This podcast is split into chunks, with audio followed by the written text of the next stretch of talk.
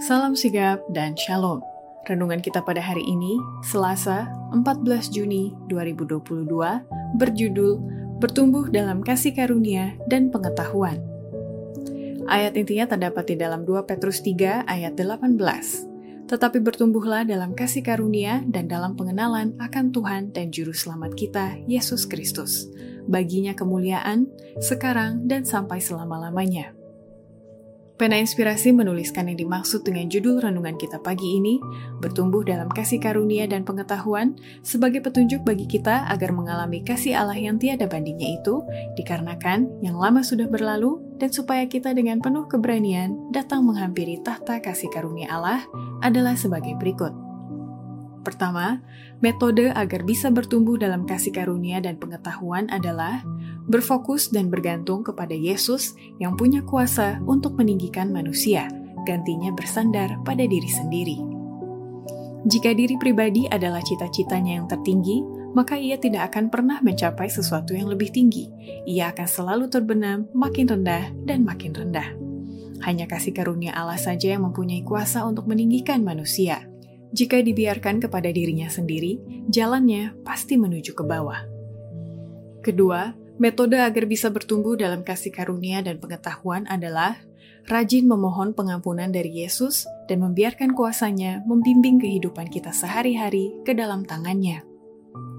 Ia menawarkan kepadamu pengampunan secara cuma-cuma. Ia menawarkan kepadamu untuk mengangkatmu menjadi keluarganya dengan kasih karunia-Nya menolong kelemahanmu, dan Yesus yang kekasih akan menuntunmu langkah demi langkah jika saja engkau menaruh tanganmu di tangannya dan membiarkannya menuntun engkau.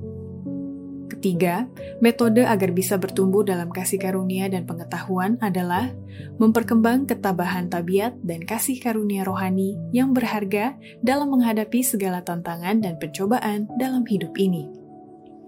Melalui pertentangan kehidupan, rohani dikuatkan.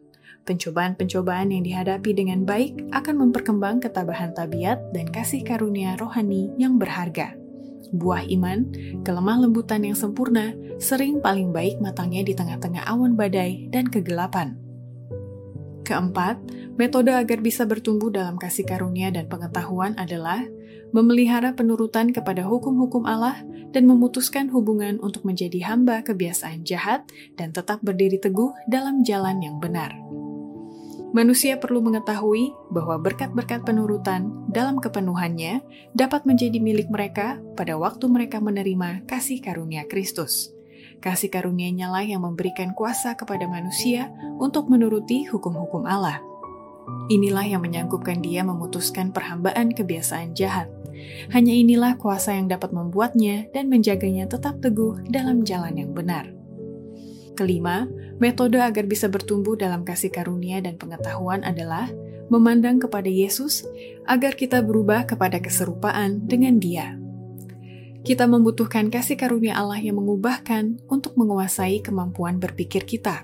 Kita boleh memikirkan yang jahat, kita boleh terus memikirkan perkara-perkara yang tidak berkenan, tetapi apakah yang dilakukan semua ini bagi kita? itu membuat semua pengalaman kita sesuai dengan apa yang kita cari. Tetapi oleh memandang kepada Yesus, kita berubah kepada keserupaan dengan Dia. Hamba Allah yang hidup melihat maksud, mata disucikan dan telinga disucikan, dan mereka yang akan menutup mata dan telinga mereka kepada yang jahat akan berubah.